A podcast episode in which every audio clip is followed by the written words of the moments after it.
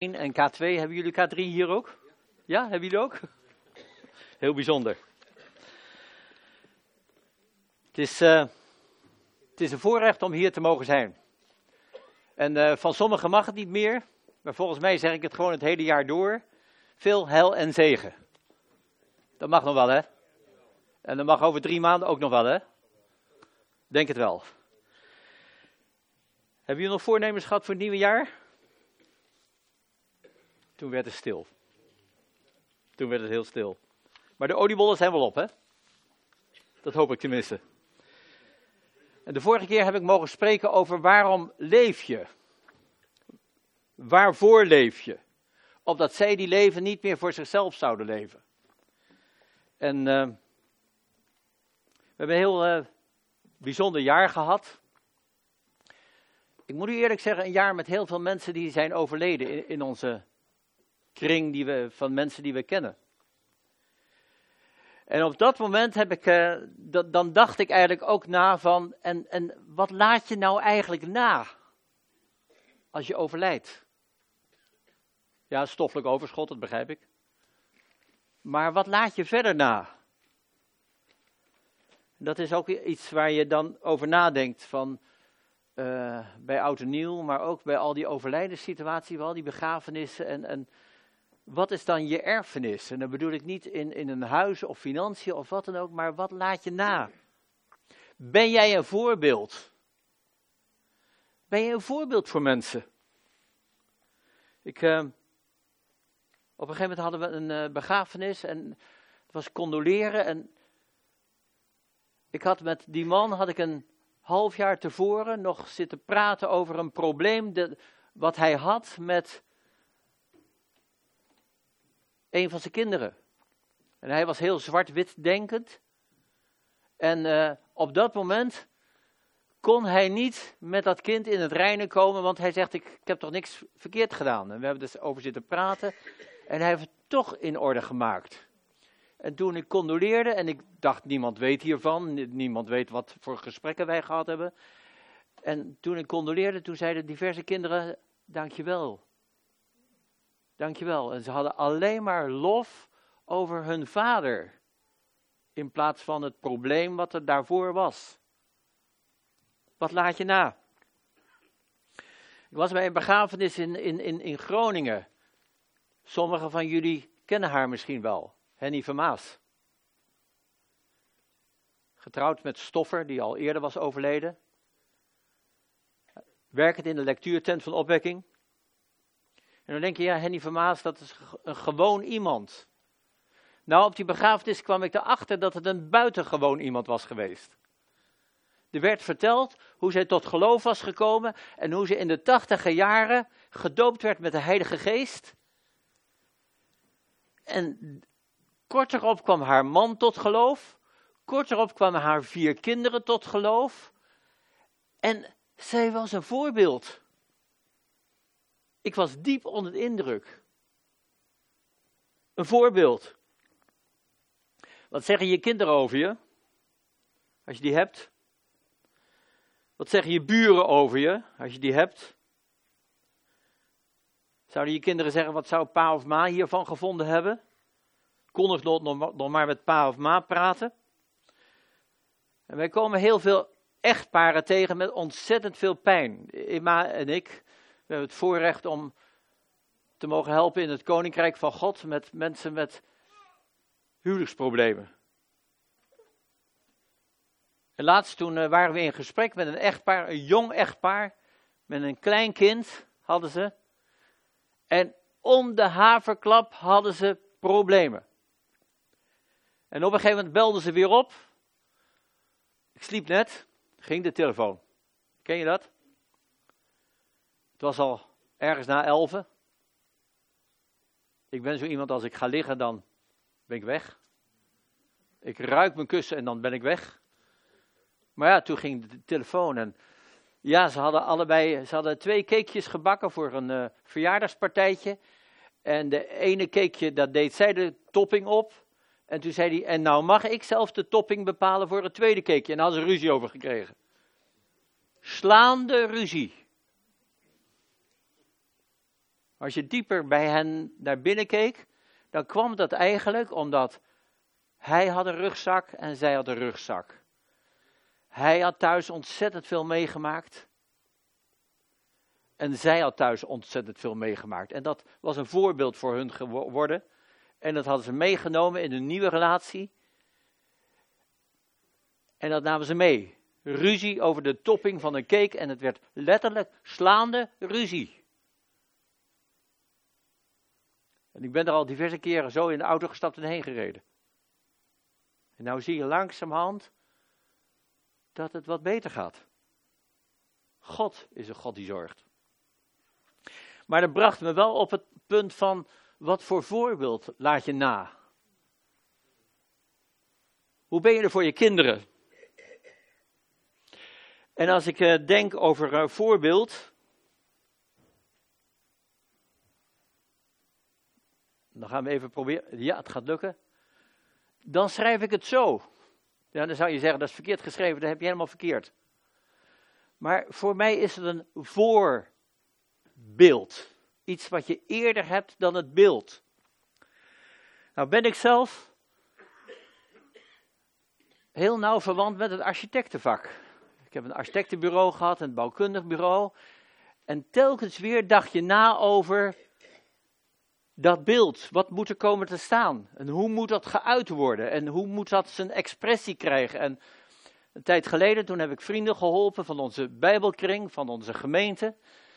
En die moesten een huis hebben en dat moest uitgebouwd worden, want het zou, pa zou erbij inkomen wonen. En ja, paste dat wel? Nou, zij stuurde aan mij de mate van het, van het meubilair. Je kunt er straks bij iemand navragen of, het waar is, of ik geen gekke dingen hier zit te vertellen hoor. Daarom heb ik haar meegenomen. Nou, de maat van de tafel was 4 meter. Weet u hoe lang dat is? En, zo was dat, en het paste natuurlijk niet. Dat zag ik gelijk. Dus ik mailde gelijk terug. Kun je het nog een keer nameten? En heel veel mensen hebben geen idee van een beeld van hoe iets kan gaan worden en hoe groot het is. En, en daar kom ik steeds vaker achter. Maar voor mij is het gewoon dat als ik een tekening zie, dan kan ik me helemaal inbeelden hoe het eruit gaat zien en hoe het gaat worden. Ik denk dat onze hemelse bouwmeester dat ook precies wist toen hij de aarde maakte. Hij kon het precies indenken en hij zei, er zij licht. Hij wist van tevoren al hoe dat eruit zou zien. Ik zal u even twee voorbeelden laten zien. Uh, even speciaal voor Henk, iets even terug naar Rotterdam. Kijk, dit is het voorbeeld. En zo is het gemaakt. En wij zeiden altijd bij ons op het bureau van, gekscherend, de architect moet het later nog herkennen. Want je kunt in de uitwerking en in, de, in, in het bouwen, dan kun je het zo maken dat je het later niet meer herkent.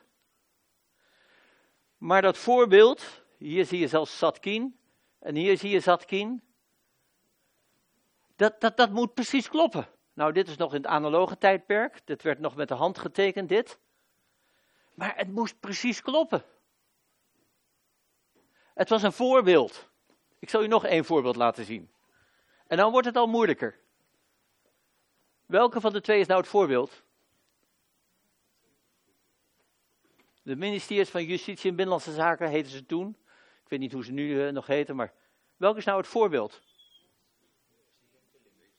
Rechtse, linkse, de gemeente splitst, scheidt, probleem in de gemeente.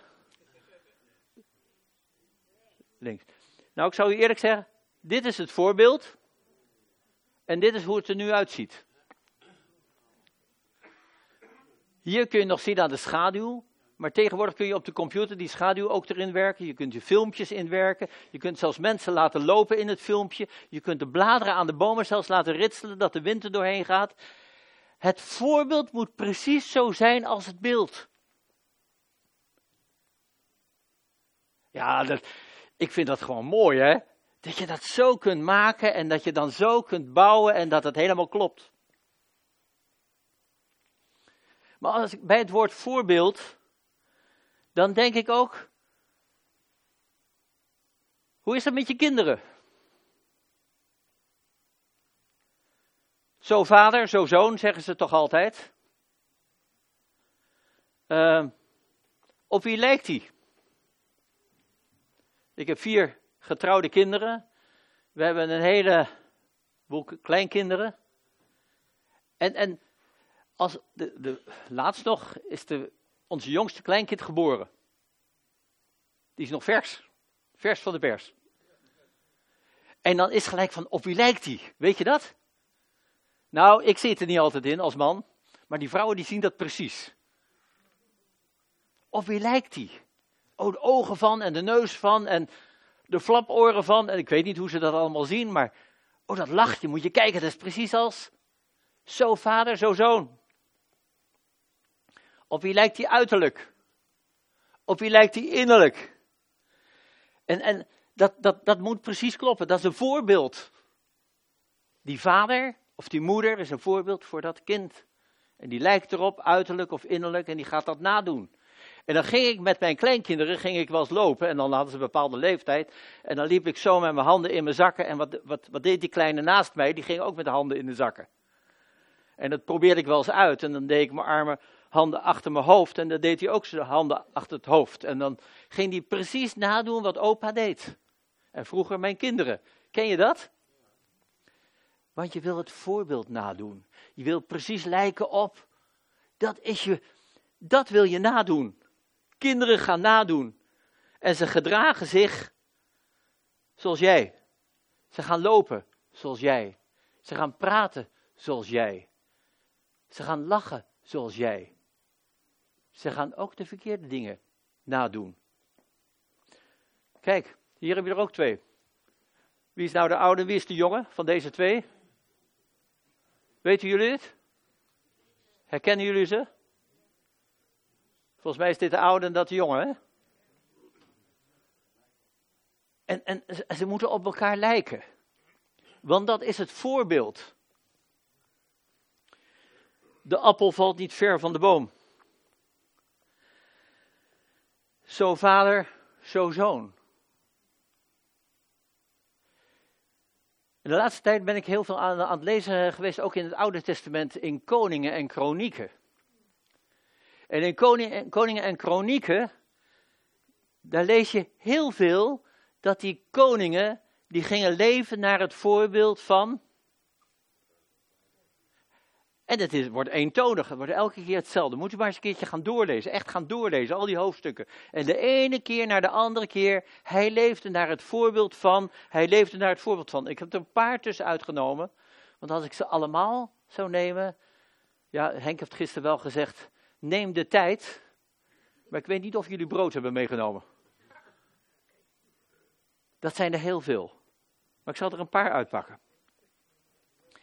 Jozefat, hij volgde het voorbeeld van zijn vader Asa en deed wat goed is in de ogen van de Heer.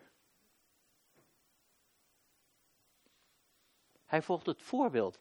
Stel je voor dat Asa dat niet had gedaan. Wat was er van hem terechtgekomen? Joram. Hij volgde het voorbeeld van de koningen van Israël, net zoals het koningshuis van Agab dat deed aangezien hij met een vrouw uit de familie van Agab getrouwd was. Hij deed wat slecht is in de ogen van de Heer. Heb je, hè? Als je met de verkeerde bent getrouwd, wie volg je dan? De Bijbel zegt dan dus ook, ga niet trouwen met een ongelovige, geen ongelijk span vormen. Dus daar denk ik ook van afgeleid. Hij volgde het voorbeeld van de koningen van Israël. En dat was niet het goede voorbeeld. Agasja. En hij volgt het voorbeeld van het koningshuis van Agab. Wat heeft Agab allemaal teweeggebracht, beste mensen? Want hij liet zich door de raad van zijn moeder tot goddeloosheid verleiden. Agas. Maar volgde het voorbeeld van de koningen van Israël. Hij ging zelfs zo ver dat hij godenbeelden maakte voor de Baals. Het was een glijdende schaal. En dan lees je bij al die koningen dat ze soms volgden in het, het voorbeeld van Jerobiam, of het voorbeeld van Agab, of het voorbeeld van David, of het voorbeeld van hun vader die goed was. En dat brengt me eigenlijk bij het punt van wat voor voorbeeld ben jij? We gaan nog een stapje verder.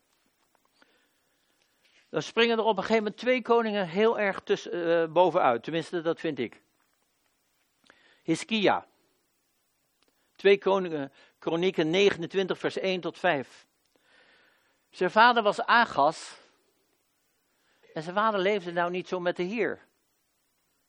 Maar wat doet Hiskia? Of Jehiskia, in andere vertalingen. Hij wordt meestal Hiskia genoemd. Zijn die Hiskia's hier onder ons? Niemand die Hiskia heet?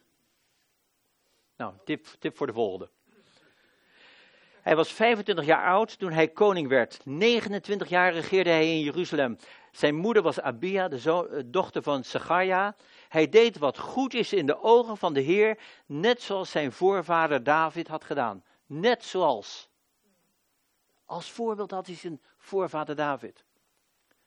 Al in de eerste maand van, de, van het eerste jaar van zijn regering heropende hij de tempel van de Heer en hij liet de deuren herstellen. Hij riep de priesters en de levieten bijeen op het plein aan de oostzijde van de tempel en sprak hen als volgt toe. Levieten, luister, heilig u, zodat u de tempel van de Heer, uw God, van uw voorouders kunt reinigen door alles wat onrein is uit het heiligdom te verwijderen. Wat een kerel! Heb je zo'n voorgeslacht, zo'n vader, en je gaat er dwars tegenin. Niet omdat je vader het goed deed, maar omdat je het voorbeeld had van David.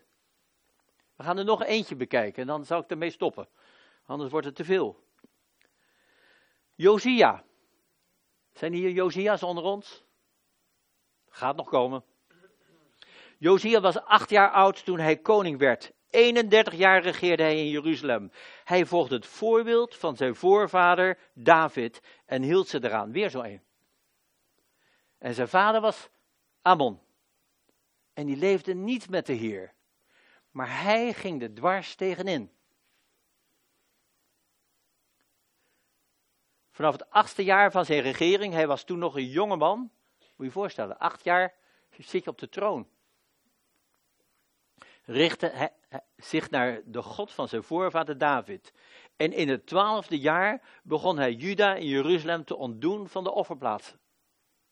De Asherah-palen en de gesneden en gegoten beelden. Nou, zo iemand kunnen we ook nog wel gebruiken in Nederland, denk ik. Hij zag er gewoonlijk persoonlijk op toe dat de altaren voor de Baals omver werden gehaald. Dus hij gaf niet opdracht, hij zag erop toe. Hij was punctueel. Hij haalde ook de wierookaltaren die daarop bovenop stonden neer, sloeg de Asherah-palen en de godenbeelden aan stukken en verpulverde ze. Niks meer met twee seconden lijm weer aan elkaar lijmen. Het stof strooide hij uit over de graven van degenen die er offers aan hadden gebracht. En de botten van de priesters verbrandde hij op hun altaren. Zo reinigde hij Juda en Jeruzalem. Hiskia, Josia. Eindigt allebei op ja. Die volgde het voorbeeld van hun voorvader David. En die maakte een einde aan die afgoderij die er daarvoor had bestaan. En hoewel Josia zo jong nog was, deed hij grote stappen. Dat is een kerel geweest. Dat is er een geweest.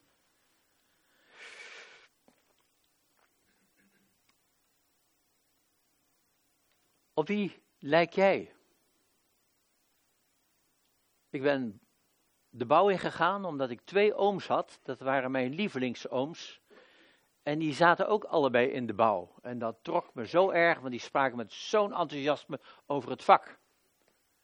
En misschien heb jij op school wel een docent gehad die met enthousiasme over een vak sprak. En ben je die richting opgegaan. Of je hebt iemand ontmoet. Een voorbeeld voor je. En deze koningen die volgen het voorbeeld van hun voorvader David. Dat trok hun aan. Dat wilden ze ook. En wat voor voorbeeld ben jij? Dan ben ik eens gaan kijken naar Jezus. Hoe deed Jezus dat? Ik denk, laten we het eens even dichterbij halen. Die koningen, dat is zo ver weg. Hebreeën 1, vers 1 tot 3. Op velelei wijze en langs velelei wegen heeft God in het verleden tot de voorouders gesproken door de profeten.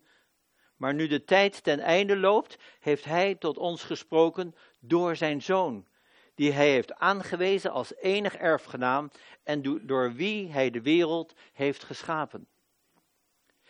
In Hem schittert Gods luister. Hij is Zijn evenbeeld. Hij schraagt de schepping met zijn machtig woord. Jezus is naar het beeld van de Vader. Want ze zijn hetzelfde. Ze denken hetzelfde. Ze voelen hetzelfde.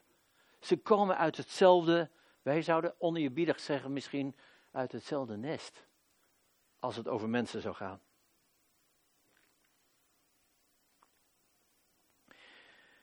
Lucas 9, vers 26. Wie zich schaamt voor mij en mijn woorden zal merken dat de mensenzoon zich ook voor hem schaamt wanneer hij komt in de stralende luister die hemzelf, de Vader en de heilige engelen omgeeft. En dat woord kom ik telkens weer tegen bij Jezus en bij de Vader schittert. Het is luister. Hij is omgeven met geweldig iets. Hij is omgeven met schittering, met luister, met grootheid, met glorie. Noem maar op. En als je de Vader kent, dan is hij omgeven met glorie en met schitter en met luister. En als je de Zoon kent, dan is hij omgeven met glorie en met luister. Het zijn evenbeelden van elkaar. Ze lijken op elkaar. Ze zijn precies hetzelfde. Nou, precies. Misschien functioneren ze anders. Hebben ze een andere taak. Maar ze lijken op elkaar.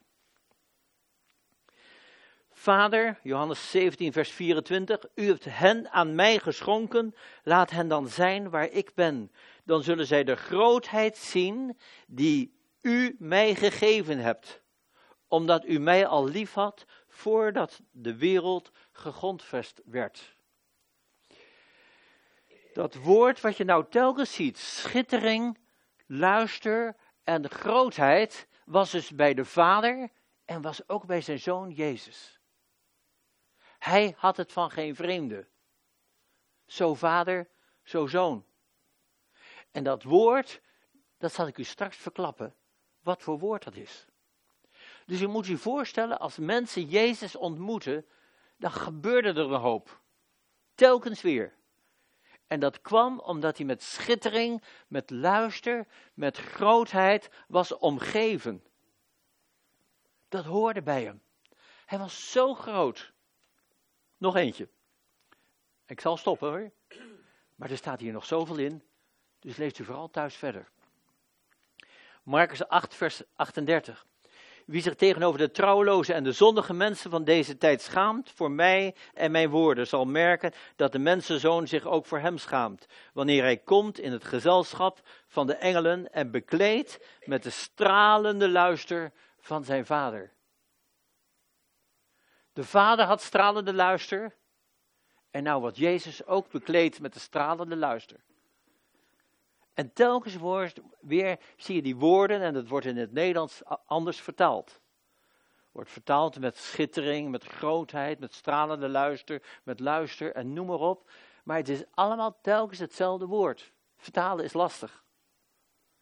We hebben zelf bij de Wycliffe Bijbelvertalers uh, gewerkt. We hebben geleerd hoe dat gaat met vertalen. En als je in het Nederlands een stoel vertaalt in het Engels, dan kun je dat niet één op één vertalen. Want in het Engels hebben ze meer woorden ervoor dan in het Nederlands.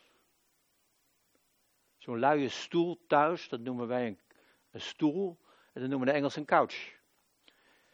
En de Engelsen kunnen ook een krukje. Wij noemen een krukje ook een stoel. En zij noemen het een stoel. Dubbel O. Of een chair. Of noem maar op. Er zijn veel meer woorden in het Engels. Dus dat vertalen is lastig.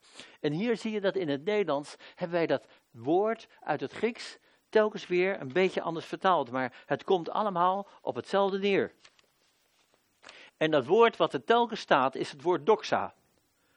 Grootheid, glorie, heerlijkheid, stralende luister, bekleed met heerlijkheid en luister. En als je Jezus ontmoette, dan was je diep onder de indruk van zijn grootheid. En waar had hij die van? Van wie had Jezus dat nou? Van God, van de Vader. Dat was zijn voorbeeld. Dat was zijn evenbeeld. En dan ben je al een stap verder. Je hebt de Vader, je hebt de Zoon. En wij zijn kinderen toch, hoop ik, van Jezus, of niet? En wat moeten wij dan doorgeven aan elkaar? Het voorbeeld van Jezus. Want wat ik aan mijn kinderen doorgeef, geven zij weer door aan hun kinderen en die geven het weer door aan hun kinderen. Ik zei vroeger, als onze kinderen een beetje uh, sterk karakter hadden, als ze een beetje eigen wil hadden, dan zeg ik, nou, dat zal wel een generatie overslaan. Dat grapje maakte ik altijd. En als, nu zeggen mijn kinderen, pa, weet je nog wat, ze, wat je vroeger zei, nu zij weer kinderen hebben? Dat zal wel een generatie overslaan. Dus die uitspraak die komt nu rechtstreeks weer op mij terecht. De Bijbel zegt, wie mij gezien heeft, heeft de Vader gezien. Ze lijken op elkaar. Ze zijn zo het evenbeeld van elkaar. En dan komt er in 2 Korinthe 3 vers 18, daar komt eigenlijk de, die, die, die, die, die volgorde, die gaat dan verder. En wij allen die met een aangezicht waarop geen bedekking meer is, de heerlijkheid van de Heer weerspiegelen. We hebben het overgenomen. Wij weerspiegelen de heerlijkheid, en daar staat weer het grondwoord doxa. Wij weerspiegelen de heerlijkheid van de Heer. Als het goed is. En dan gaat het nog verder. Veranderen naar hetzelfde beeld, ons voorbeeld, van heerlijkheid tot heerlijkheid. Immers door de Heer die geest is. Dat gaat steeds dieper. Dus als het goed is, straal je iets van jouw voorbeeld, Jezus, van zijn voorbeeld, de Vader, straal je dat af en die luister en die heerlijkheid en die glorie. En als ik soms wel eens mensen ontmoet, dan ben ik diep onder de indruk hoe de Heer door hen heen werkt en leeft. Hebben jullie dat wel eens? Net alsof God is daar. We hadden vroeger een vriend en toen hij op zijn sterfbed lag, dan kwam je bij hem om hem te bemoedigen en dan ontdekte je dat je niet hem bemoedigde, maar dat je zelf bemoedigd werd. Waarom? Omdat de glorie van de Heer als het ware rondom hem heen zat. Zo geweldig, zo'n in Brabant zouden zeggen, dat, dat kan Henk wel een beetje begrijpen, denk ik, een mooi mens. Mooi mens. Een evenbeeld. Een voorbeeld. Een, een, een, eh, een heerlijkheid tot heerlijkheid beeld van Jezus. Zo vader, zo zoon. En ik zou het eigenlijk nog verder willen zeggen.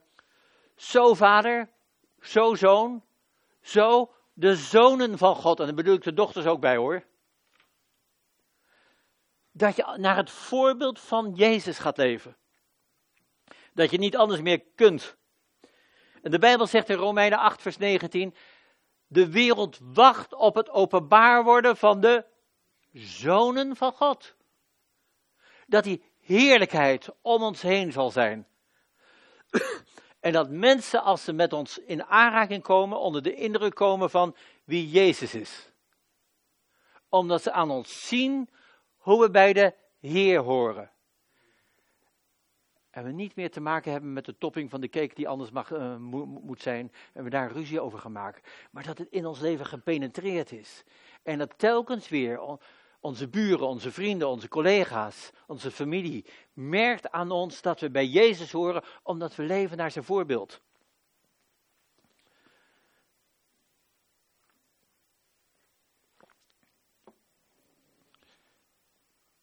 Ik denk, als we dat doen, dan, dan gaat er wat gebeuren. Dan zijn we een afspiegeling van zijn wezen. Dan weerspiegelen we de heerlijkheid van de Heer. En ik denk, als dat gaat gebeuren, en dat gebeurt al hier en daar, maar als dat meer zou gebeuren, dan zouden de dingen gaan, gaan gebeuren. Ik zal nu een paar voorbeelden noemen. Een paar voorbeelden uit de Bijbel. Mozes. Mozes kwam van de berg. Dat grapje kent u toch, hè? De achternaam van Mozes is van de berg. Toen Mozes van de berg kwam, achternaam van Mozes is van de berg. Dat was een oud grapje bij ons thuis vroeger. Toen Mozes van de berg kwam, toen was zijn gelaat bedekt vanwege de heerlijkheid van de Heer. Waar je mee omgaat, word je mee besmet. Dus hij moest zijn gelaat bedekken, omdat die heerlijkheid van de Heer zo groot, zo intens was. Stefanus, toen hij gestenigd werd, de mensen zagen zijn gelaat als het gelaat als van een engel. Dat moet wat geweest zijn, dat heeft Paulus gezien. Toen hij nog Saulus was, toen hij nog onbekeerd was. Daar was hij van onder de indruk gekomen. Hoe zien ze ons? Hebben we ook zoiets om ons heen, zo'n aureool? Zo letterlijk hoeft het niet. Maar merken ze iets van Jezus in ons leven, dat we naar het voorbeeld van Jezus leven?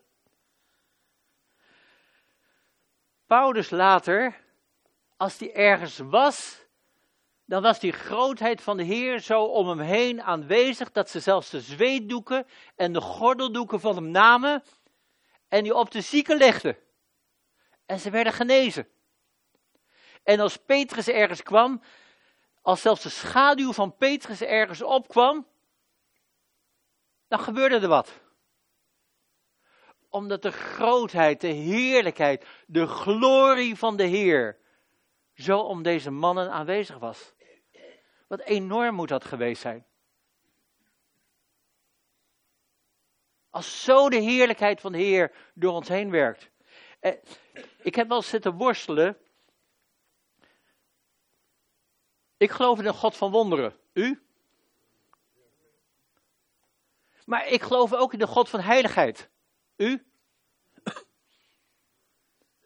Nou, vandaag in de dag praten we meer over de God van wonderen, niet meer over de God van de heiligheid. En vroeger in de opwekkingsbeweging in de tijd van Wils werd gesproken over de God van heiligheid en niet over de God van wonderen.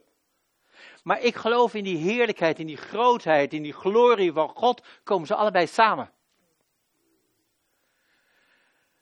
Dat als je zo praat over die glorie en die heerlijkheid en die glorie van God, die doxa van God, dan kom je onder de indruk.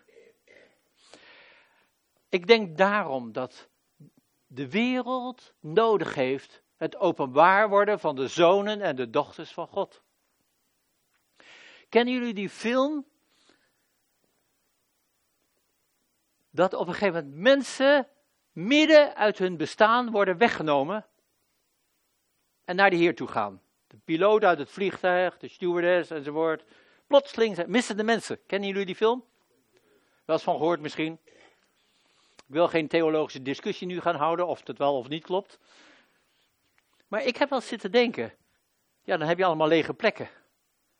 Maar stel je nou voor dat in plaats van die lege plekken dan in één moment, in één oogwink, oogwenk, er geen lege plekken zijn, maar de plekken zijn van christenen die vol zijn van die glorie van God. Dan pakken ze de zweetdoek van je af, dan pakken ze de zakdoek van je af, dan, dan letten ze op je schaduw, dan gaan ze want de glorie van God hoort bij jou, omdat je leeft naar het voorbeeld van. Wat moet dat geweldig zijn als wij zo naar dat voorbeeld van God leven. En als ik dan lees in kronieken, in koningen en kronieken, dan lees ik een heleboel van die koningen die het hele tijdje goed hebben gedaan, en plotseling, wom, zakken ze een beetje af. Hiskia op het laatst heeft ook nog last gehad van hoogmoed. Nou, ho, ho, hoogmoed moet helemaal niet. Maar daar had hij wel last van. Maar de meest, er zijn er een paar geweest die bleven leven naar het voorbeeld van David. Daarom denk ik ook dat Jezus uit het geslacht van David kwam. Het idee van David. Hij hoorde er helemaal bij. Vol van de heerlijkheid en de glorie van God. Hiskia en Josia gingen in tegen wat gewoon is. Durf je dat? Durf jij in te gaan tegen wat gewoon is in je omgeving? Durf je te zeggen van, ja maar ik geloof en daarom? Durf je dat te vertellen? Als je in de Bijbel leest, dan lees je over Gideon. Die durfde het. Net als Josia, die haalde al die ba Baalsbeelden van zijn vader neer. Nou, dat is leuk hoor, als je vader er tegen is. Dan heb je het lastig. Toen ik tot geloof kwam, had ik het ook moeilijk thuis. Maar ik wist dat God het van me vroeg. En daarom ben ik doorgegaan. Gideon durfde het. Jezus durfde het. Stefanus durfde het. Hij was vol van de geest. Staat van Stefanus geschreven. Vol van die glorie van God. Veel geloofshelden van vroeger durfden het. Veel van de geloofshelden van nu durfden het ook. Ik hoorde vorige week, of de week daarvoor, dat de zus van Mini van de Weg was overleden. Misschien zegt die naam je niks. Hoe oud zou Mini nou zijn? Rond de 80. De leven lang zit ze in Arabische Emiraten. De leven lang. Geen groot persoon van de podia. Een heleboel mensen kennen haar niet. Maar ze leeft daar omdat ze daar een, leeft naar het voorbeeld van Jezus. Geroepen. Een geloofsheld. Als je zo kiest om het voorbeeld van Jezus te volgen, dan ga ik je waarschuwen, dat gaat je alles kosten. Dat kost je alles. Wie volg je na? Welke verhalen worden er straks over jou verteld? Gaan ze straks over jou vertellen? Oh, dat was er weer zo één, die ging ook wel naar de kerk, maar ondertussen. Of dan gaan ze de verhalen over jou uh, vertellen van, hij was net als Jezus. Het straalde gewoon van hem af. De schitter, de luister, de heerlijkheid van de Heer was rondom. Beste mensen, wij zijn best wel bezig geweest uh, afgelopen jaar om eens een keer wat dingen op orde te maken van de adressenlijst. stel je voor dat een van ons tweeën besluit om eerder naar, naar de Heer te gaan dan de ander. Maar het kan straks ook gebeuren in de auto. Wat laat je daarna? Wat wil je dat er doorgegeven wordt? Welke verhalen worden er straks over jou verteld? En dan kun je niet om het hoekje meeluisteren, nee. Maar ben jij dan een getuigenis, ook bij de begrafenis, voor anderen over de heerlijkheid en de luister en de glorie van God? Volg hem na. Breek met die onheerlijkheid. Ik weet niet of dat Nederlands is, maar vanaf nu is het een nieuw woord in de Nederlandse taal. Er wordt er straks wel gekozen. Breek met die onheerlijkheid, want want het is ook oneerlijkheid. Ben jij een geloofsheld, vol van de heerlijkheid van God? Dat is eigenlijk de enige simpele vraag die ik vanochtend bij jullie in jullie midden wil neerleggen. Dat je niet meer een grijze muis bent. Maar dat je een volgeling bent van Jezus, omdat je het voorbeeld volgt van Jezus. Wees een voorbeeld. Wees een voorbeeld van Jezus. Vol van die glorie en de heerlijkheid. Breek met elk klein ongerechtigheid in je leven. Wat niet bij Jezus hoort. Zorg dat je daar korte metten mee maakt. Zorg dat dat niet meer bij je past. Zorg dat mensen aan jou kunnen zien hoe groot Jezus is in jouw leven. En misschien ken je hem nog niet zo lang. En misschien ken je hem helemaal nog niet. En misschien denk je van, dat zou ik ook wel willen. Omgeven zijn met die glorie en die luister en die heerlijkheid van God. Misschien zou je zeggen van, ik wil mij ook laten gebruiken door de Heer voor mijn omgeving. Misschien zeg je wel van, ik zou zo dicht bij, met de Heer willen wandelen dat ik op Hem ga lijken. Dat als Hij zijn handen in zijn zakken doet, ik ook mijn handen in mijn zakken doe. Als ik mijn handen de lucht in gooi, als Hij de, zijn handen in de lucht heeft gegooid. Als Hij de Vader prijst, dat ik dan ook de Vader prijs. Dat ik zo op Hem lijk. Zijn evenbeeld naar Zijn voorbeeld. Ik wens jullie dat jullie vol worden van die doxa, van die grootheid, van die glorie, van die heerlijkheid, van die stralende luister van God. Zodat mensen in onze omgeving onder de indruk komen van wie Jezus is, alleen al doordat ze ons zien. Zullen we samen bidden?